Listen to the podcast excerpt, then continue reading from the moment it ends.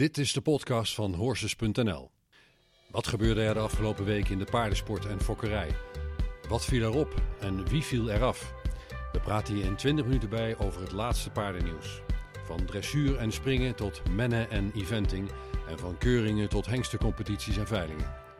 Welkom bij de week van Horses.nl. Hallo, mijn naam is Mirjam Hommes en welkom bij deze aflevering. Allereerst, als je geen aflevering van de Week van Horses wilt missen, abonneer je dan via je favoriete podcastkanaal. We zijn te vinden op Soundcloud, Spotify, iTunes en YouTube. Welkom ook Rick Helmink, die weer is aangeschoven vandaag. Hoi. Hoi. En een speciaal welkom aan onze collega Esther Berendsen, die vandaag voor het eerst in deze podcast zit. Hoi Esther. Hallo. Nou, het was een boomvol weekend en we hebben een boomvolle krant deze week. Dus dat kunnen we niet allemaal in 20 minuten doen. Dus we halen er een paar leuke dingen uit voor jullie. Allereerst natuurlijk Jumping Amsterdam. We zijn allemaal nog aan het bijkomen. Jullie zijn er allebei geweest. Rick, wat viel jou op? Um, ik ben er zaterdag geweest, uh, Wereldbeker Dressuur. Um, ik denk dat er ongeveer het meest gesproken is over uh, de winnaar. Of de winnares, ja. moet ik zeggen. Uh, Charlotte Fry met Everdale. Um, ja, er zijn toch wel een hele hoop mensen die eigenlijk vinden dat een paard um, dat toch wel vrij kort in de hals loopt, een hele proef, uh, niet 88% zou moeten krijgen. Um, daar Jij kun je had daar over... een theorie over waarom dat Nou ja, was? Je, je kunt daarover uh, discussiëren. Ja. De, de, de, dat paard is nou eenmaal gebouwd zoals hij gebouwd is. Ja. En, en dat is een vrij verticale hals. Um, heeft ook nog een beetje een onderhals die er af en toe uh, een beetje uitkomt. En um, nou ja, er zijn mensen die zeggen, nou ja, dat, dat. En daarbij is het ook nog wel zo dat hij af en toe een beetje met de kroep lo hoog loopt en iets een holle rug heeft.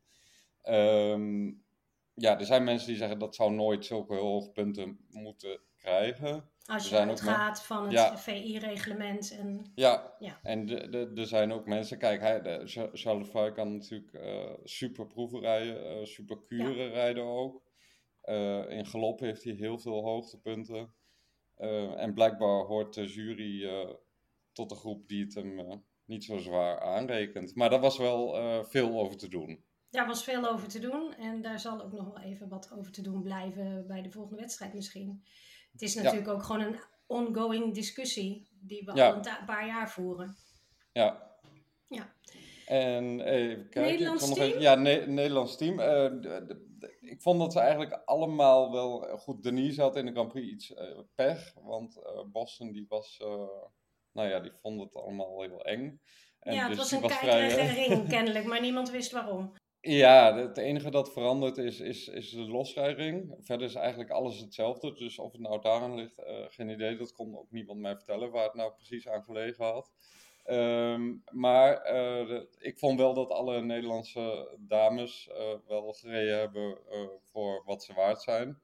Maar ja. daarbij moet je dan ook wel vaststellen dat er nog wel een behoorlijk gat is met de top. Ja. Het uh, is niet uh, in de Grand Prix was beste Nederlandse Marlies was zesde. In de kuur, uh, even kijken, was Marieke van der Putten dat. Ja. Um, en die was zevende. En um, wat ik ook nog heel even wil noemen is Flore de Winnen. Daar had jij het vorige week over, dat jij daar benieuwd ja. naar was, inderdaad. Ja, de Belgische ja, nou ja. Die, ja, uh, die heeft laatst in Mechelen voor het allereerst, uh, de allereerste Belgische ooit, die uh, 80% heeft gescoord in de kuur. En zij heeft ook een superleuke kuur. dat is gewoon een hele moderne housemuziek kuur. Dat kan en, misschien niet iedereen waarderen, maar... En dat is echt wel, nou ja, ook door die muziek een combinatie waar je gewoon vrolijk van wordt. En uh, deze week in de paardenkrant uh, staat ook een interview met haar. Oh, leuk. Nou, dat ja. gaan we sowieso allemaal lezen. Um, Esther, jij was zondag bij het springen. Hoe ging dat? Hoe was dat? Heb je genoten?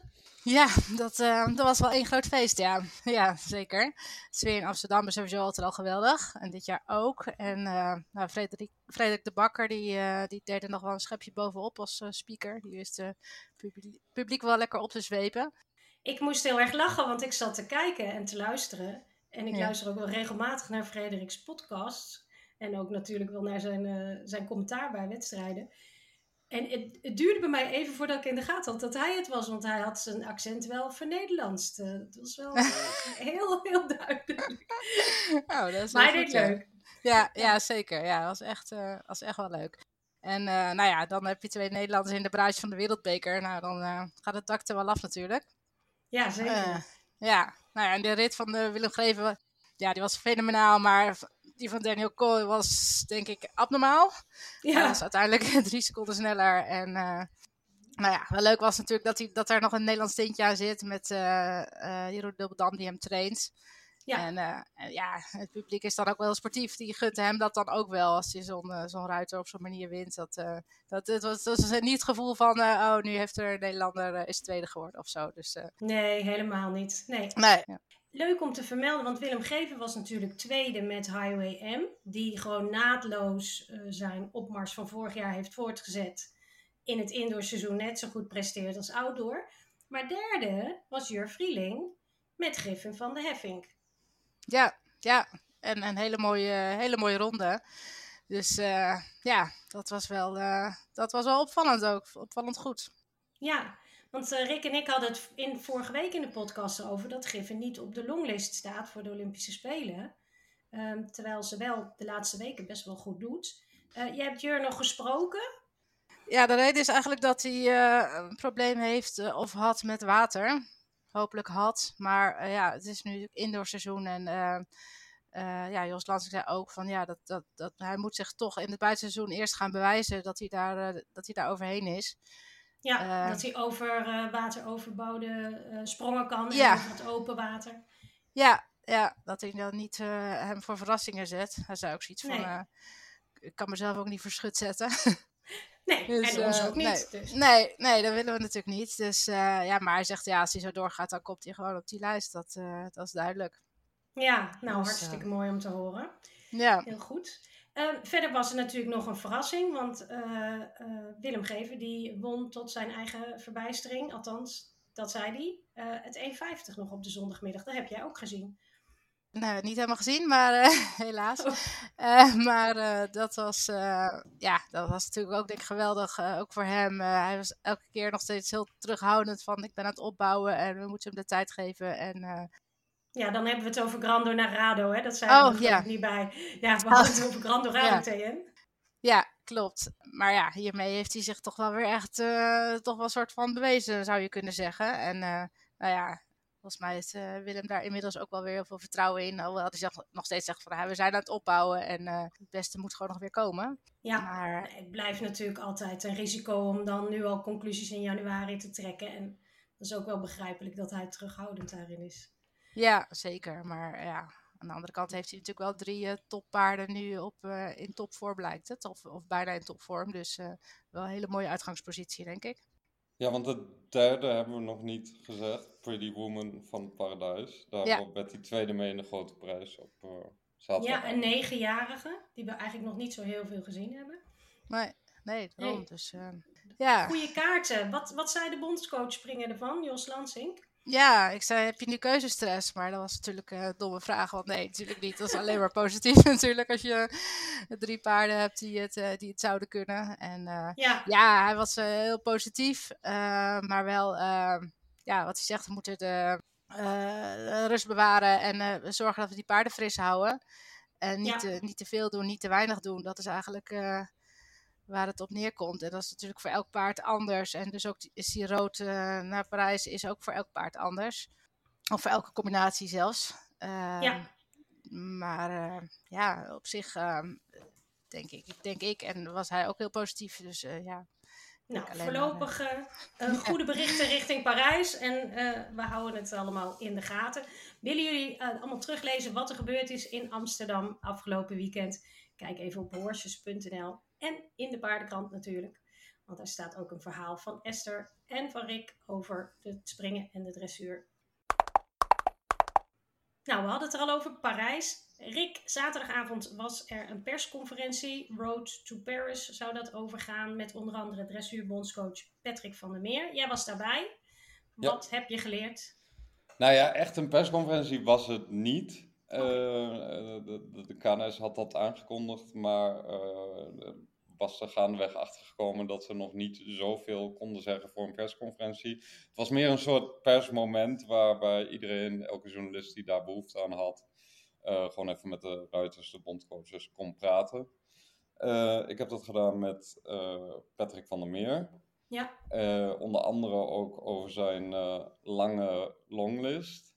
Ehm, ja, met een aantal paarden die toch echt wel verrast. Nou ja, daar hebben we het volgende, vorige week al over gehad. ja, een aantal achtjarigen, een aantal paarden die nog nooit Grand Prix hadden gelopen. Ja, en ik heb hem natuurlijk gevraagd, eh, nou ja, waarom hij voor die combinaties eh, heeft gekozen.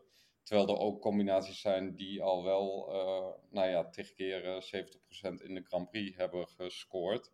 En hij zegt daarvan, en, en daarin heeft hij natuurlijk ook wel gelijk, eh, ja, we hebben toch combinaties nodig die nog wel een stukje meer dan 70% kunnen scoren.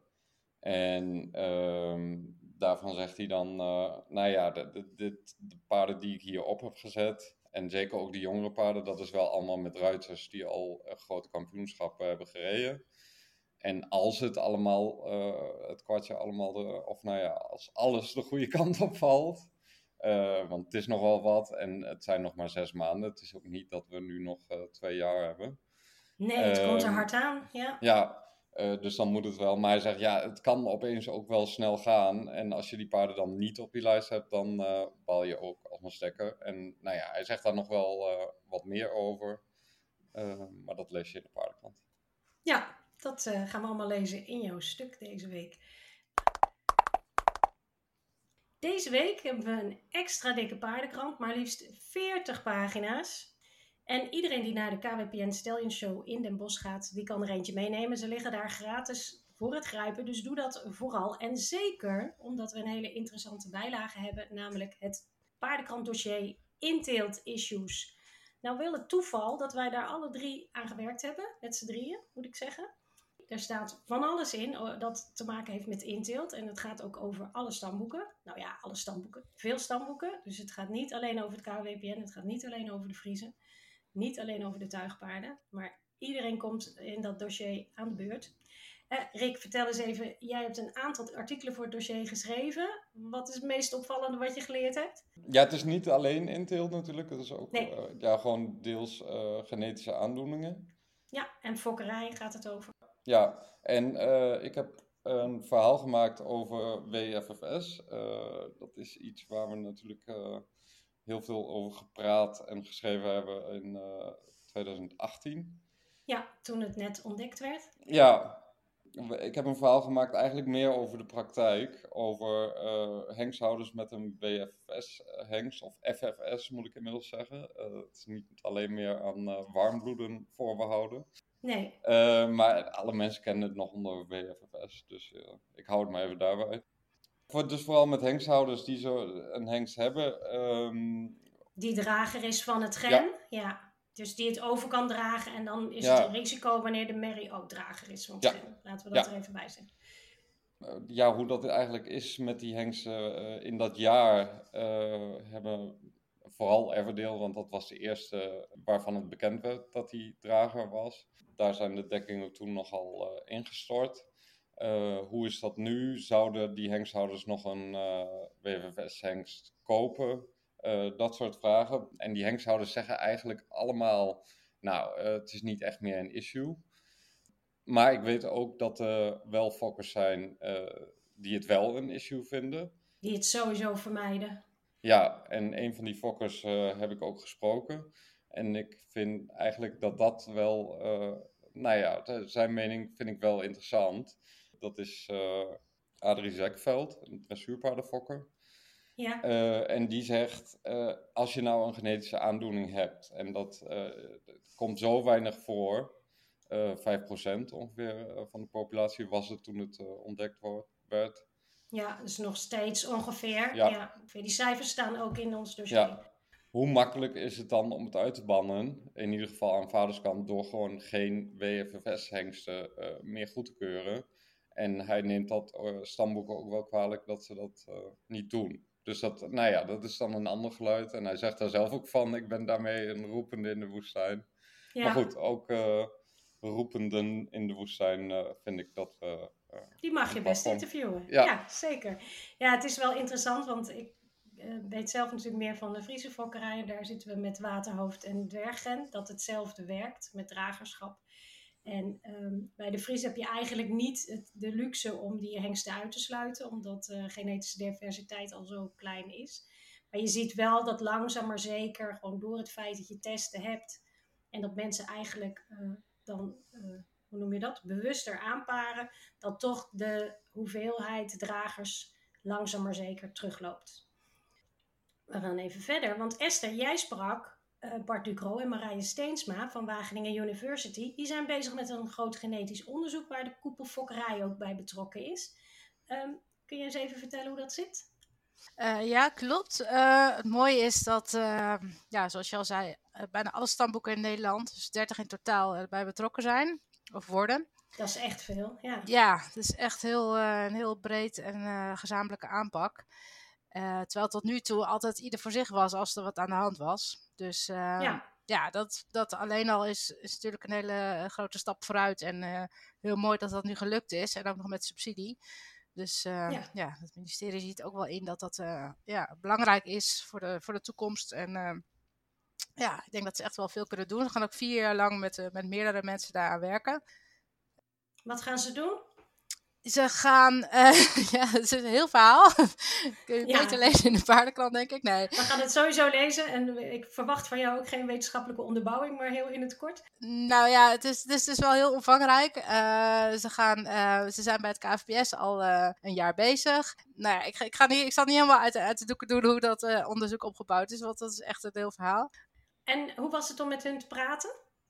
Ja, heel leuk. Het is heel interessant om van, uh, van die onderzoekers te horen hoe, dit, uh, hoe dat in zijn werk gaat en hoe, dat, uh, hoe, dat, hoe ze dat gaan aanpakken. En ja, het knappe van Bart en Marije is ook wel dat ze heel goed in staat zijn om het in Jip en Janneke taal uit te leggen, zodat zelfs ik het begrijp. Ja, niet helemaal tot achter de komma, maar wel ja, gewoon de, de basis, zeg maar, hoe het DNA is opgebouwd en hoe in dit tot stand komt en wanneer dat dan een probleem is. En ja, en hoe dit onderzoek toch gaat bijdragen aan de afname daarvan. En dat je de DNA-testen kunt gaan ontwikkelen om erfelijke aandoeningen op te sporen. Ja. Uh, er zijn natuurlijk grote stamboeken die al veel verder zijn met onderzoek naar erfelijkheid en inteelt. Uh, het KVPS loopt natuurlijk voorop. En daar is Marije ook al een jaar bezig met onderzoek. maar het is voor alle stamboeken uiteindelijk relevant, want ja, uiteindelijk lopen we tegen hetzelfde aan. En al die stamboeken, stamboeken komen aan bod en daar wordt voor in kaart gebracht hoe, hoe ze ervoor staan en nou ja, wat ze zouden kunnen veranderen en wat ze kunnen, kunnen leren van, van, van het KVPS onder andere. Nee, maar het is dus inderdaad heel interessant. De, de stamboeken gaan dus van elkaar leren en elkaar eigenlijk gezamenlijk naar een uh, hoger plan trekken in die, uh, in die genetische onderzoeken. Ja. Nou, hartstikke leuk. We gaan het allemaal lezen in de paardenkrant. Heel mooi. Ja, Mirjam, jij hebt zelf ook aan dit dossier gewerkt. Uh, we hebben onder andere op Horses een enquête gehad over fokkerij en inteelt. En ja, dat jij, hebt, jij hebt daar ook uh, mensen naar aanleiding van die enquête gesproken. Uh, ja. Kun je daar iets over vertellen? Jazeker. Um, we hebben in totaal uh, bijna 700 reacties gehad op onze enquête. En wat vooral eigenlijk heel erg opviel was dat mensen zo graag erover willen praten. En daar blijkt toch ook wel uit hoe, hoe dicht het naad aan het hart ligt, de fokkerij. Um, er vielen een aantal dingen op. Eh, we hadden vooral heel veel KWPN-fokkers uit, eh, uit alle richtingen. Vooral uh, dressuur- en springfokkers. En veel mensen vinden het toch wel echt heel lastig om een hengstekeuze te maken. Dat was een heel interessante uitkomst. En dat heeft voor een deel ook te maken met, met inteelt. Bij de dressuurpaardenfokkers wat meer dan bij de springpaardenfokkers. Bij de Friese fokkers, waarvan er ook een aantal meededen, was dat heel duidelijk een, een issue. Dat de keuze dan toch ook best lastig te maken was. Maar ik heb inderdaad ook nog een aantal mensen geïnterviewd uh, over uh, hoe zij dat allemaal zien. En wat je dan vooral ook merkt, is uh, dat mensen toch een soort informatieachterstand ervaren. Waarbij ze toch eigenlijk te weinig weten voor hun gevoel, of nou ja, dat zeggen ze, om een goede keuze te kunnen maken. Omdat er vaak toch wat objectieve informatie in hun ogen ontbreekt. En ze dan toch afhankelijk zijn van de marketing vanuit, nou ja, hengsteboeren, maar ook het stamboek. Ja, nou ja, ik, ik, ik denk zelf bij het KWPN, ehm, nou ja, ik denk dat het, uh, dat het sterke punt van het KWPN eigenlijk de informatie is. Uh, ja, dat zeggen ze ook wel hoor, maar dan nog is het te weinig. Ja. ja, nee, dat ben ik ook zeker met ze eens. Uh, dat, dat, dat is niet altijd zo geweest, maar dat dat steeds ook iets, voor mijn gevoel in ieder geval, een beetje meer verstopt wordt. Ja, dat het steeds minder wordt eigenlijk. En dat hengstenrapporten gewoon zoveel op elkaar lijken dat je eigenlijk toch heel weinig onderscheid kan maken tussen de hengsten op basis daarvan. Dat soort opmerkingen zie je echt, en dat zag je echt opmerkelijk vaak terugkomen. Want je ziet dat de mensen die ik geïnterviewd heb, dat die dat zeggen. Maar uh, in dat hele Excel-document dat ik doorgeworsteld heb, waar 700 man in zat, zie, zag je dat gewoon heel vaak, dat mensen dat zeiden. Dus dat was echt wel heel opvallend. Um, wat een beetje jammer is, is dat er een fout is uh, foutje is gemaakt bij de drukker deze week. Dat hebben we net gehoord. Uh, en dat betekent dat dat artikel niet helemaal goed eruit komt in de papieren krant. Er ontbreekt een pagina, dus dat één pagina twee keer in. Het goede nieuws is dat je natuurlijk wel de paardenkrant online, daar staat het gewoon helemaal goed in. En volgende week in de volgende krant drukken we het artikel nog een keer af, zodat ook de papieren lezers het allemaal tot zich kunnen nemen. Meest gelezen deze week op horses.nl. Ja, het is uh, de week van het KNS-nieuws, Rick. Ja. Ja, ten eerste had ik wat suggesties binnengekregen over onze vraag: wat gaan we in hemelsnaam doen met al die bandages die we niet meer nodig hebben? Nou, er was al iemand die wilde er wel truien en sprayen van gaan breien, want ze zijn lekker warm en dan krijg je, kan je lekker mee op de bank zitten. En zonder last te krijgen van je pezen of banden. Dus dat is een hele goede suggestie. Mochten er nog meer suggesties zijn, dan horen we dat natuurlijk graag. Tot zover de lol. Want er waren ook nog wat ernstigere zaken. Uh, ten eerste de opleidingen. Daar was een bericht over dat tot verwarring leidde. Ja, uh, dat was een bericht over de uh, KNS erkende instructeursopleiding uh, verplicht voor hippische bedrijven. Um, daar ontstond in ieder geval bij ons op Facebook wat commotie over. Um, dat mensen opeens gingen schrijven van, oh dan kan ik niet meer lesgeven met mijn deurnepapiertje bijvoorbeeld. Um, maar die mensen hebben, die dat zeiden, hebben het artikel niet helemaal goed ge gelezen. Want KNS heeft een hele lijst aan uh, erkende opleidingen. Dus het is niet zo dat het een KNS-opleiding moet zijn. Nee, en ook oudere opleidingen ja. en opleidingen extern, zoals die van Bastiaan de Recht, die tellen allemaal mee. Ja, ja. Uh, en bij de KNS is ook een lijst te vinden van welke opleidingen dan uh, erkend zijn. Dus ik denk dat dat goed is om nog even te melden. Ja, heel goed. En dan was er het nieuws uh, dat de KNS geen directeur meer heeft binnenkort. Nee. Althans, uh, de KNS uh, is uh, in een juridische strijd beland met de huidige directeur Patrice Assendelft. Ja, het was een beetje een omvloers bericht, want er was een juridische strijd. Maar ja. we weten dat Patrice Assendelft inmiddels al maanden thuis zit. Ja, dat is al... niet in vanaf... functie is. Vanaf september, denk ik al. Ja, in ieder geval afgelopen najaar kregen we al te horen dat hij ziek thuis zat. Ja. Uh, nu wilde de KNS daar in eerste instantie geen mededelingen over doen. En nu eigenlijk nog steeds niet echt van harte. Het enige uh, dat ze wilden zeggen is dat ze bevestigden dat er uh, een juridisch geschil is.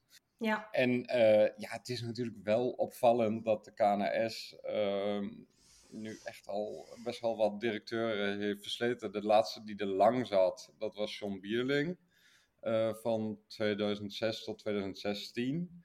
Mm -hmm. uh, daarna was uh, Rens Plantoen, die heeft er maar een jaartje gezeten. Uh, toen Theo Flederus. Ja, die is wel een paar jaar geweest. Ja, vier jaar. En nu Patrice, dat is ook maar een jaar.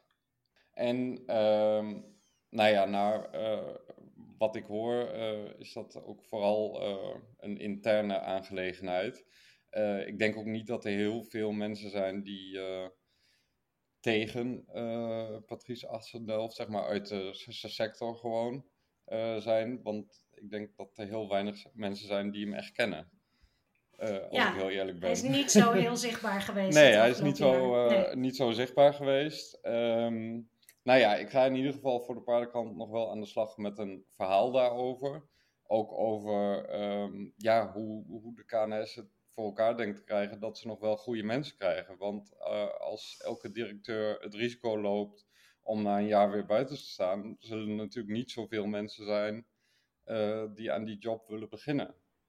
Uh, althans, goede mensen. Precies, goede mensen. Als er zo'n afbreukrisico is, dan uh, is dat wel spannend, zo langzamerhand. Ja, maar daarbij moet ik ook wel zeggen dat het ook echt wel een lastige club is om directeur van te zijn. Je hebt natuurlijk heel veel stromingen in, in de paardenwereld en die zijn allemaal verenigd in de KNS. Ja, veel verschillende dus, belangen, topsport, ja. recreatie. Ja, en alles wat ertussen zit. En ja. dan nog alle disciplines. Ook nog. Ja, dat is een lastige club om bij elkaar te houden. Ja. Maar ja, het is wel opvallend hoeveel directeuren de KNS versluit. Ja, laten we, laten we het daar even voorlopig op houden. Ik ben benieuwd wat jij nog, waar, wat jij nog boven tafel gaat, gaat krijgen. Als mensen tips hebben, dan zijn die natuurlijk van harte welkom. Dan kijken we even naar de agenda voor komend weekend. Want er staat natuurlijk nog weer grote dingen gaan staan er te gebeuren. Namelijk de KWPN Hengstekeuring. Jullie gaan daar allebei heen. Rick, waar ga jij op letten? Um, er is eigenlijk één ding uh, waar ik het meest naar uitkijk. En afgelopen weekend in uh, Amsterdam zei iemand mij: uh, Nou, je mag ook wel wat meer nou ja, spraakmakende dingen vertellen in die podcast. Dus dat zal ik bij deze maar doen. Ik ga ja. even iets, ik, ik zal iets half verklappen. Ik mag Wacht even, we doen even tromgeroffel.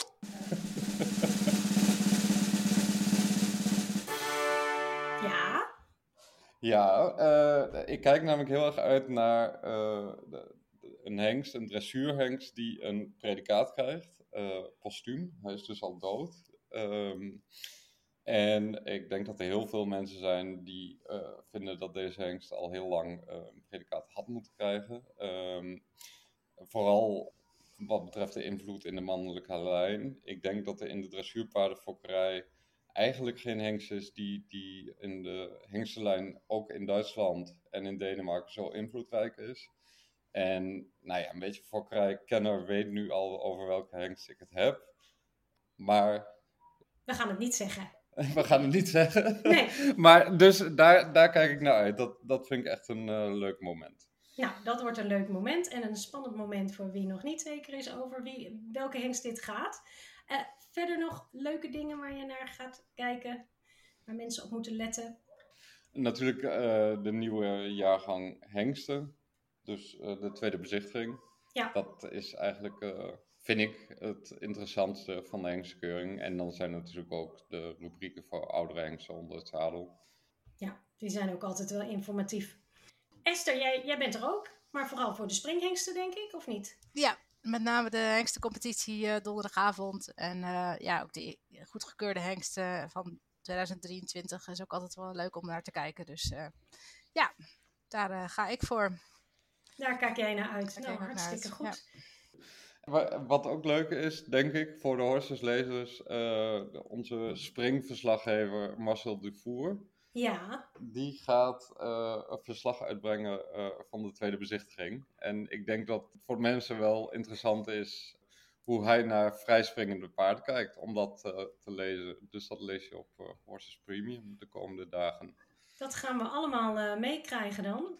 Altijd heel leuk om zijn stukken te lezen, heel veel informatie. Top, dank voor de tip. Jullie in elk geval heel veel plezier in Den Bosch. Alle luisteraars die naar de Brabant afreizen ook ontzettend veel plezier met de tweede bezichtiging en alle andere rubrieken. Dat was het voor deze week. Bedankt Rick voor je bijdrage. Graag gedaan. En Esther ook hartelijk bedankt voor het meepraten. Ja, graag gedaan. Alle luisteraars hartelijk bedankt voor het luisteren. Vergeet vooral niet om je te abonneren op deze podcast in je favoriete podcast-app. En lees alles wat we besproken hebben terug op Horses en in de paardenkrant van deze week. Kijk ook nog even in de show notes. Daar staan de links en nog meer informatie. Dit was de Week van Horses. Tot volgende week. Dit was een podcast van Horses.nl en de Paardenkrant.